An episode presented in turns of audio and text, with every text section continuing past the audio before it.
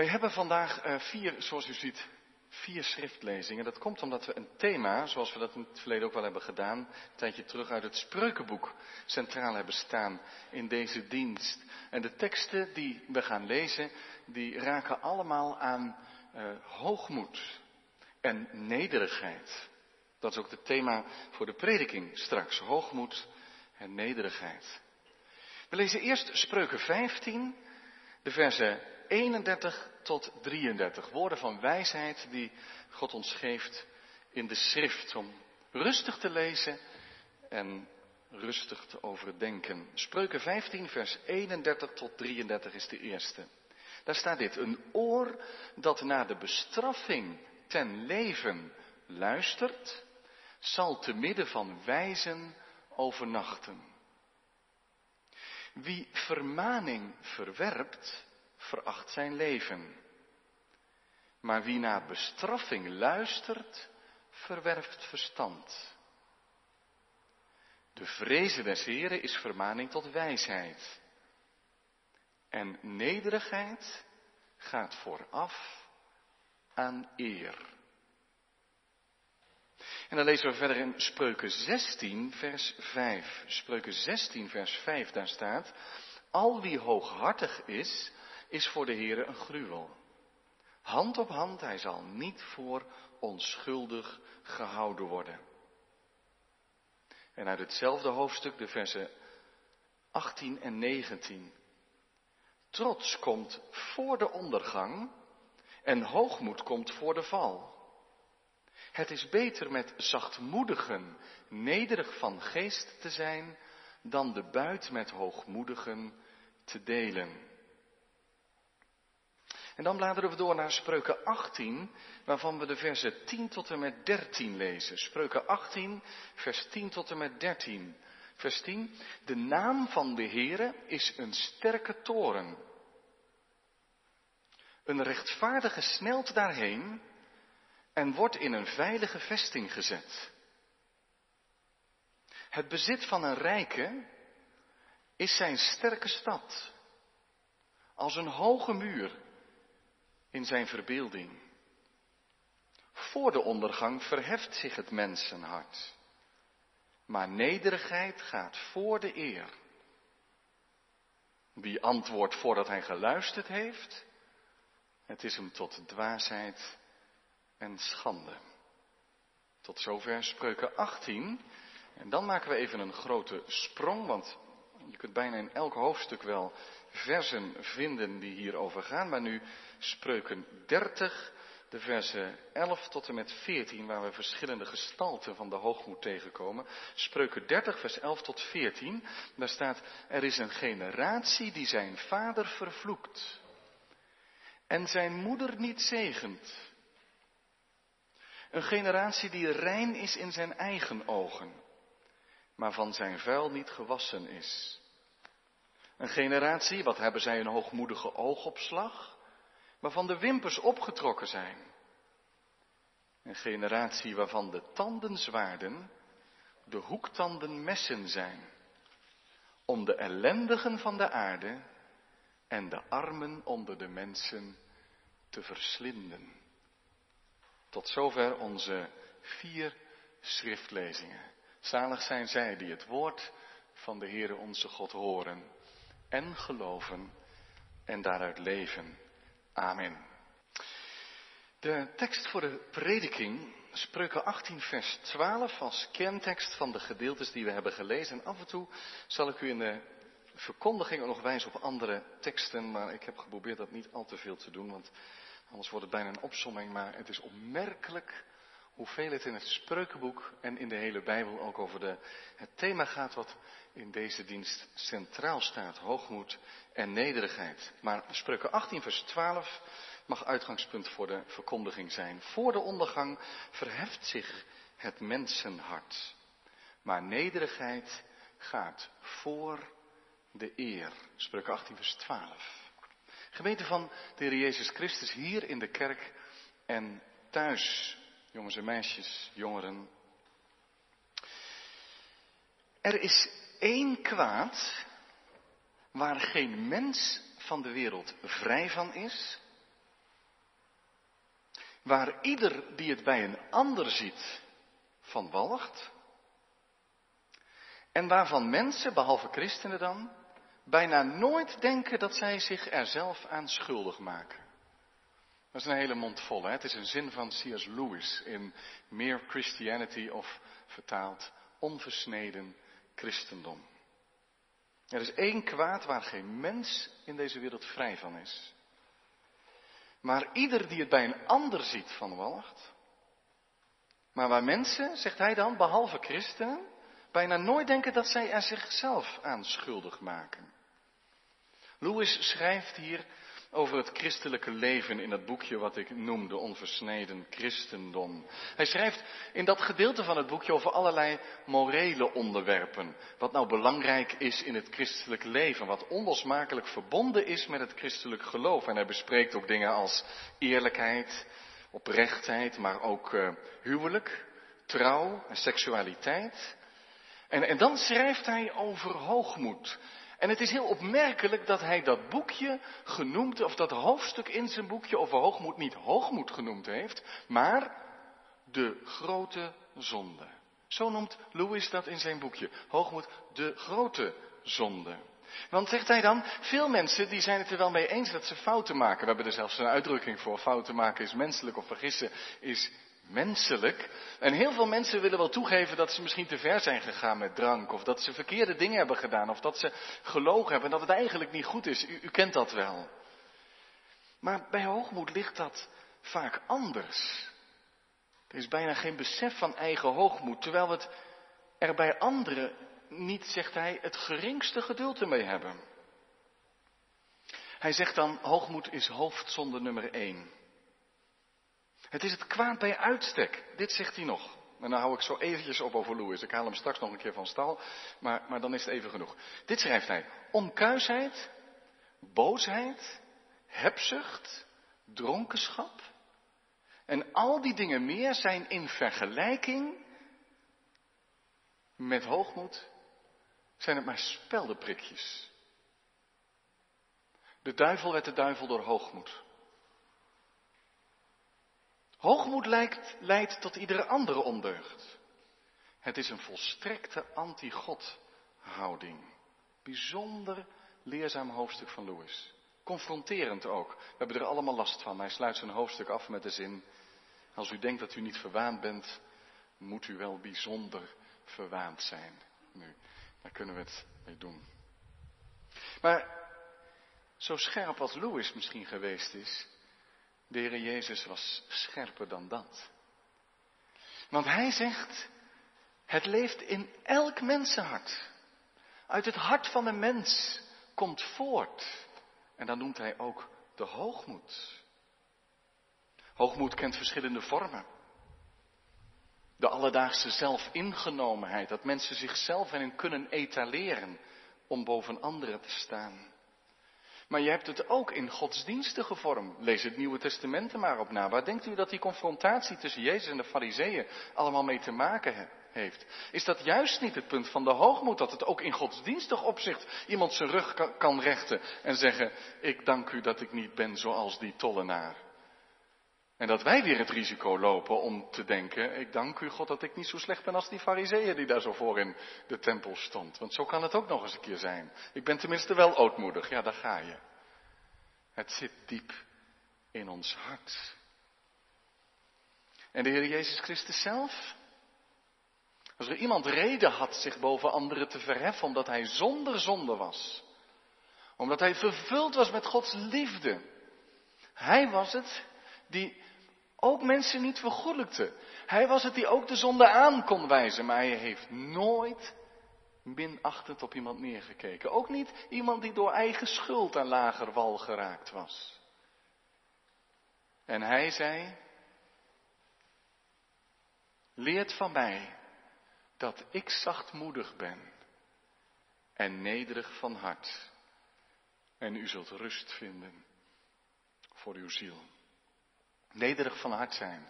Het klinkt in deze wereld niet als het mooiste geschenk wat je kan krijgen, maar het is het wel. En de Bijbel is daar van begin tot eind glashelder over. Het is het meest waardevolle geschenk wat je ooit zult kunnen krijgen, is dat we een echt nederig mens worden, die leeft van de genade van God in de Heer Jezus Christus. Want door hoogmoed kijk je alleen maar naar beneden.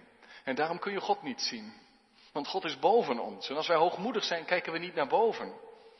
Dan kijken we langs onze neus naar beneden. Ik overdrijf natuurlijk wat, want wie kijkt er nou alleen langs zijn neus naar beneden? Maar u begrijpt wat ik bedoel. Je kunt God niet zien. Je kunt God niet kennen als de hoogmoed in je leven niet gebroken wordt. En er nederigheid voor in de plaats komt. Het lijkt wel alsof de Heer Jezus deze tekst voor de ondergang verheft zich het mensenhart, maar nederigheid gaat voor de eer. Alsof de Heer Jezus deze tekst aanhaalt als hij zegt, wie zichzelf verhoogt, die zal vernederd worden. Maar wie zichzelf vernedert, die zal verhoogd worden. Wij hebben een verbroken hart nodig. Een nederig hart. wij kennen dat spreekwoord natuurlijk, heel algemeen, ik kom daar straks nog één keer op terug. Hoogmoed komt voor de val. Maar onze tekst zet er nog iets bij. Nederigheid komt voor de eer.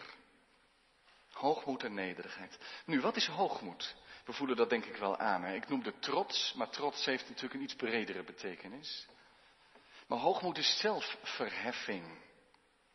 Hooghartigheid. Ik kwam daar eigenlijk maar zo op het spoor toen ik deze week een stukje uit de Ezekiel las. Een tamelijk onbekend gedeelte waar er een oordeelsprofetie klinkt over Tyrus. Nou, wat heeft dat hiermee te maken? Dan staat daar dat de Heer van Tyrus zegt, weet je waarom ik je ga straffen? Omdat jij je hart, wat het hart van een mens is, hebt veranderd in het hart van God. Echt? Ja, zo staat het er. En dat is wel heel treffend gezegd. Dat je niet je plaats als mens inneemt, je menselijke hart wat klein is en een schepsel van God is, maar dat je op Gods stoel wil gaan zitten en dat je van je eigen innerlijk jezelf een God maakt. Je hebt je op Gods stoel gezet. Dat is hoogmoed. Spreuken 21 vers 4 zegt, een hooghartige oogopslag en een trots hart zijn zonde. En je kijkt neer op andere mensen. Ik zei het al, Spreuken 11 vers 12 zegt, wie zonder verstand is, veracht zijn naaste. Het Nieuwe Testament heeft nog een ander woord voor hoogmoed. Een heel plastisch, een beeldend woord. Die zegt, Paulus heeft het daar wel eens over, het is opgeblazenheid. Zoals je een ballon opblaast, maar je kan het maar zo weer in elkaar klappen als je er een speld in prikt. Opgeblazenheid, is lucht, maar je maakt jezelf groot opgeblazenheid. Maar het stelt niks voor. Nog een keer Louis. Hij denkt namelijk, en dat analyseert hij heel prachtig, dat, dat mensen niet trots of hoogmoedig worden door wat, door wat ze zijn of wat ze hebben. Wie ze zijn of wat ze hebben. Want je kunt heel knap zijn, heel mooi, heel intelligent, of stoer, sterk, machtig, of rijk, maar daardoor word je niet hoogmoedig. Want als iedereen net zo mooi, net zo knap, net zo intelligent en stoer en rijk en machtig was, had je geen enkele reden om je te verheffen. En daarom zegt Louis wedijver. De wedstrijdjes met anderen is het wezen van de hoogmoed. Je zou bijna zeggen, zegt hij ook ergens van, het is, heel veel zonden hebben iets dierlijks haast in zich. Driften en verlangens komen boven. Maar hoogmoed, dat kom je in het dierenrijk veel lastiger tegen. Je vergelijkt je met anderen en je wil boven staan. Het zorgt er wel voor dat een rijke meer risico loopt op hoogmoed dan een arme. En een knap iemand dan iemand die wat minder knap of populair is. Maar let op, ondertussen zit het wel in ons allemaal. Ook bij van nature wat bescheidener personen. Het zit er diep in, in ons hart.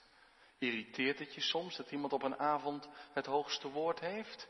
Het zou wel eens kunnen dat dat zo is omdat je het zelf had willen zijn.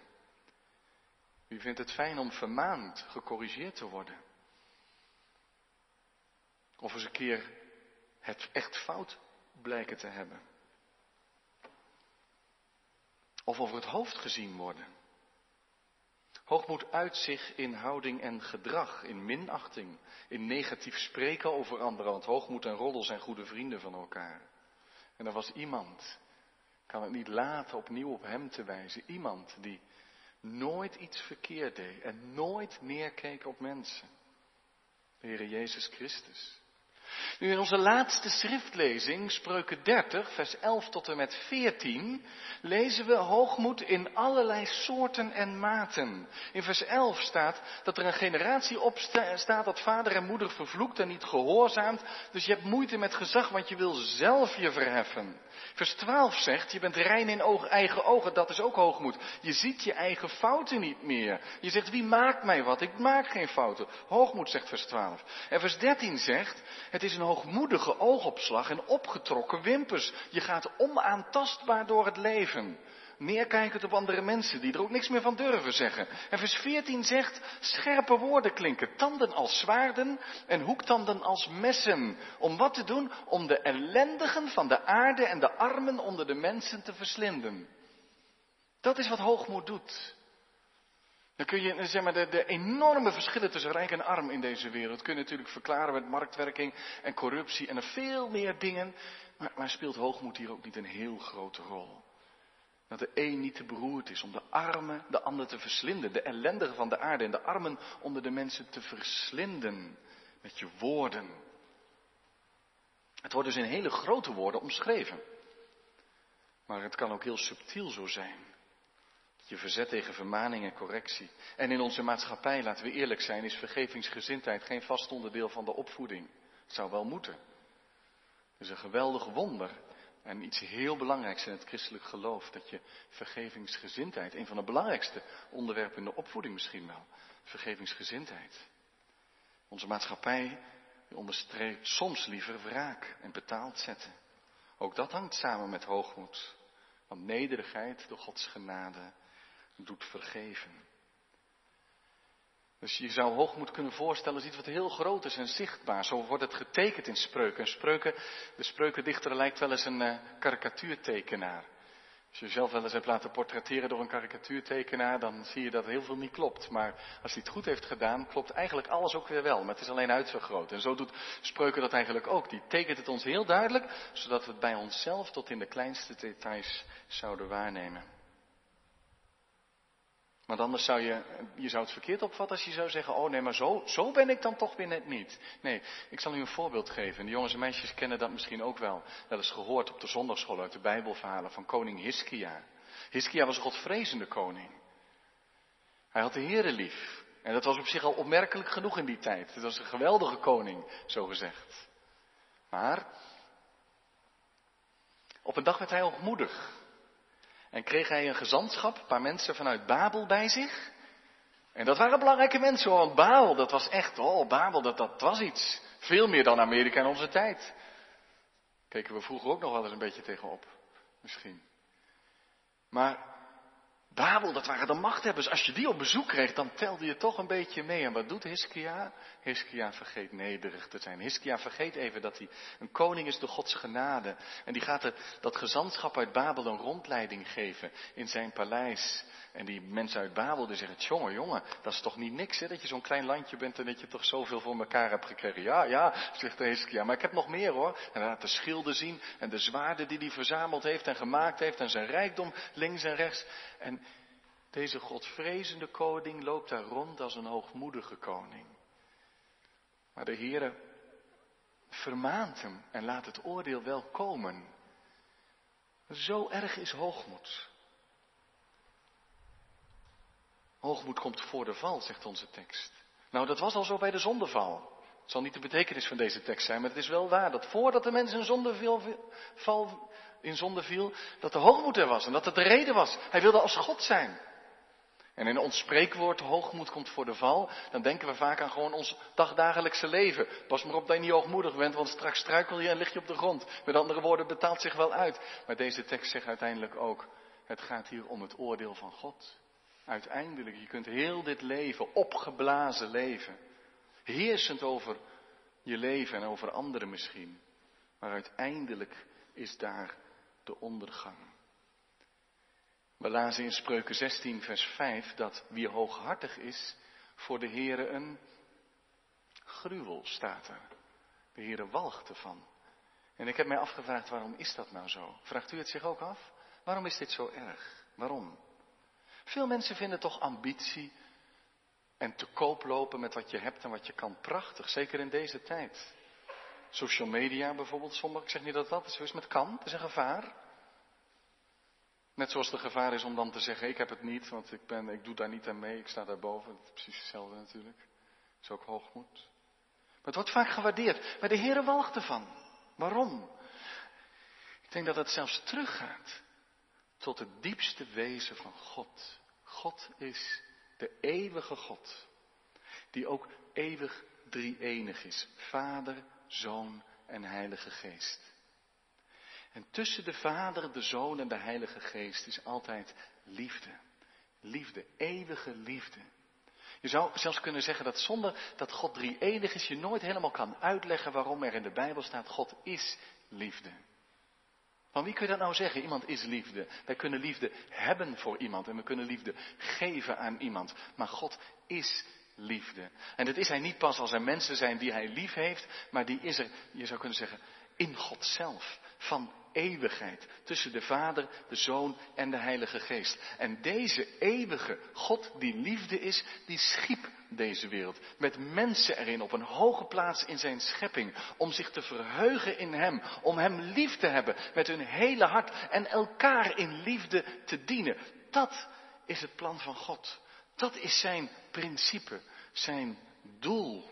Dat de mensen oog voor elkaar hebben zichzelf kunnen wegcijferen voor de ander. Dat ze aandacht hebben voor elkaar en liefde. En als er nu zonde gekomen is, dat er ook vergeving is. Of het heeft de zonde toch ongelooflijk veel kapot gemaakt in dit leven, maar ook in ons hart. Er is haat en wraak en jaloezie gekomen en hoogmoed en minachting en onverschilligheid naar elkaar toe. En God wil dat niet, want Hij wil dat mensen omhoog kijken in dankbaarheid en nederigheid en zeggen, dank u God dat u mij gemaakt hebt en hier ben ik voor u. En vergeeft u alstublieft mijn zonde. En daarvoor heeft Hij zijn Zoon Jezus Christus gegeven, die zichzelf tot in de dood toe vernederd heeft. Hoe kan iemand zeggen, ik wil leven uit genade? En toch met hoogmoed door het leven gaan. Dat kan niet. De principes van nederigheid zijn zo eenvoudig. De apostel Paulus schrijft in 1 Korinthe 4 heel eenvoudig. Wat hebt u dat u niet hebt ontvangen? En als u alles wat u heeft ontvangen hebt, 1 Korinthe 4, vers 6 en 7. Als u alles wat u heeft ontvangen hebt, waarom roemt u dan? Waarom bent u dan trots? Waarom beroemt u zich erop? Als u, het niet ontvangen hebt, alsof u het zelf hebt gegeven. We hebben nog niks te zeggen gehad over onze haarkleur. De kleur van onze ogen. De plaats waar we geboren werden. De lengte van ons lichaam. En zoveel dingen meer. En ons verstand. En onze gezondheid. En de kansen die we kregen. Het karakter. Het intellect. De rijkdom uiteindelijk zelfs. Hoogmoed is pronken met andermans. Hoofdletter veren. En zo maak je jezelf tot een God. Begrijpen we dan waarom Jezaja in Jezaja 57 zulke krachtige woorden spreekt als hij zegt, want zo zegt de hoge en verhevene, dat is God. De hoge en verhevene, die in de eeuwigheid woont en wiens naam heilig is. Zien we hoe God daar neergezet wordt? Hoog, verheven, heilig. Dit zegt God. Ik woon in de hoge hemel, in het heilige. En, en waar nog meer?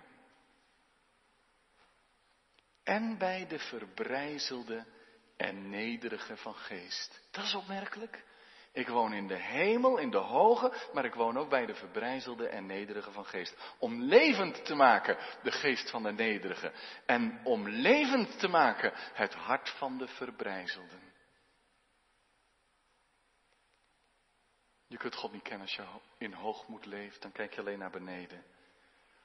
Maar we hebben een gebroken hart nodig wat ons omhoog leert kijken. En zeggen, oh God, Geef me uw genade en uw vreugde. Dat is eigenlijk bekering. Dus klein worden voor God. Smeken.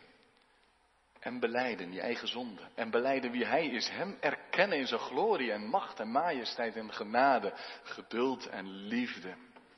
Mag ik eens vragen, hoe is dat nu bij ons? U bent al een tijdje aan het luisteren. En we gaan langzamerhand naar het einde van de preek toe. Hoe is het nou bij ons? Is onze hoogmoed gebroken? Oh, we hebben er nog veel mee te kampen, dat blijft wel zo. En we strijden er tegen, maar toch zijn we nederig van hart geworden. Weten we wat het is om klein te worden voor God? En echt te smeken om onverdiende genade. Oh, kijk eens naar de Heer Jezus. Filippenzen 2 vertelt ons hoe hij die bij God was, in de gestalte, in de gedaante van God. Oh, als Jezus toch eens hoogmoedig was geweest. Maar dat is hij niet geweest. Hij daalde neer. Hij heeft zich vernederd en is mens geworden, zoals wij. God die mens werd, onbegrijpelijk. Hij heeft zich in dit leven vernederd. Ze wilden hem koning maken. Die eer heeft hij afgewezen. En hij heeft de gestalte van een dienstknecht aangenomen. En heeft zich laten verbreken. Hij heeft zich laten slaan. Hij heeft zich laten bespotten. Met een doek over zijn gezicht. En ze sloegen hem en ze zeiden, profeteer dan, wie heeft u geslagen? Hij heeft het allemaal laten gebeuren. Hij heeft zich laten vastnagelen aan het kruis op Golgotha. Zo is hij onze heiland. En dan zegt Paulus in Filippenzen 2, die gestalte moet in u zijn die ook in Christus Jezus was. Heb je er alles naar verlangd? Dat je gezegd hebt, Heer, wilt u me dat geven? Dat is niet niks hoor, als je dat bidt. Maar dat is iets heerlijks als je dat bidt. Maar het kost wel veel van jezelf. Geef mij die gestalte, die houding van Christus, waarmee hij zichzelf weggecijferd heeft. En waarmee zijn, hij heeft geen last van trots gehad. Zijn hoogmoed was er niet, maar hij heeft willen dienen. Hij heeft zichzelf willen vernederen om lief te hebben. Die gestalte moet ook in ons zijn. En die nederigheid is, zegt Spreuken dan, die komt voor de eer. Dat is zo apart, hè?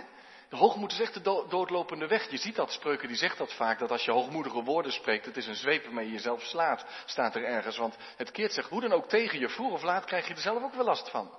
Hoogmoed is geen zegenrijk leven, maar nederigheid wel. Daar rust de zegen, zo staat het in Spreuken, op van rijkdom, zegen, wijsheid en leven. Het is ook bevrijding. Echte vrijheid. Nee, nederigheid is geen onderkruiperigheid. U begrijpt als ik dat zo zeg, hè? Maar als u iemand bent tegengekomen met veel oog voor een ander en belangstelling, niet alleen aan belangrijke mensen toe, hè? Heel leuke mensen, maar belangstelling voor een ieder. Ook die anderen misschien over het hoofd zien. Vol vriendelijkheid. Dan kom je misschien wel iets van de Heer Jezus in zo iemand tegen. Dan ga je gunnen en word je vergevingsgezind. Leer van mij, zegt Jezus, dat ik zachtmoedig ben en nederig van hart. En u zult rust vinden. Rust voor uw ziel. Wie is nou het verst gevorderd in geloof hier en in de genade van God? Wie is het meest, heeft het sterkste geloof? Wie? Dat is degene die het verst gevorderd is in nederigheid en ootmoed. Oh, we hebben allemaal veel te beleiden. Wat kan onze hoogmoed toch sterk zijn? We hebben ook veel te danken aan God en zijn geduld. En veel te vragen dat die wonderlijke liefde van God en van de Heer Jezus Christus ons hart en leven raakt en vernieuwt en bevrijdt van ongeduld, trots en hardheid. Een verbroken en een verslagen hart zult u, o God, niet verachten. Amen.